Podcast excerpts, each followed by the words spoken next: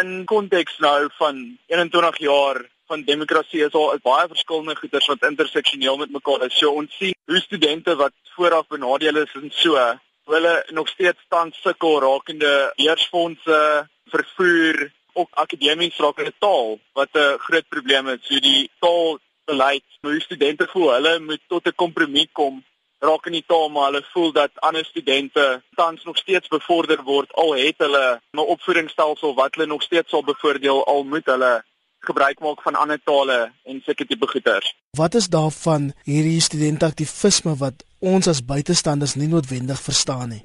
Ons het gevalle van konstruktiewe en destruktiewe aktivisme wat voorkom op kampus. Dit is vir die buitestanders is dit baie maklik om gewoonlik die destruktiewe aktivisme raak te sien omdat dit gewoonlik meer geraas maak en omdat dit so 'n kontras is met die instelling want omdat ons sien um, die kultuur hier op Stellenbosch is 'n uh, onderhandeling en prosesgebaseerde benadering tot baie kwessies. Destruktiewe aktivisme gaan totaal nou in kontras met hierdie en sê dat hierdie prosesse en goeders benadeel hulle van die inset af. En dit is hoekom ja dit so voorkom en hoekom dit moeilik geïnterpreteer word van buite af omdat probleme so diep en onderliggend is en hulle baie keer die bronne aanvat en die mense nie totaal nog gewoonlik verstaan hoe daai benadering werk nie en hoe dit baie keer lei tot impulsiewe optrede ook wat verkeerd interpreteer word en baie keer eskaleer dinge as studente voel hulle word nie gehoor nie. So sê Mark Rudolf, 'n SASCO lid by die Universiteit Stellenbosch. Intussen het die oop brief van nog 'n maatie student, Motlabani Koloi, vir 'n opskudding op Facebook gesorg. Hy sê hoewel hy ook sukkel met Afrikaans as onderrigtaal, is hy nogtans 'n akademiese uitblinker. Koloi sê as student wil hy bydra tot die universiteit se identiteit.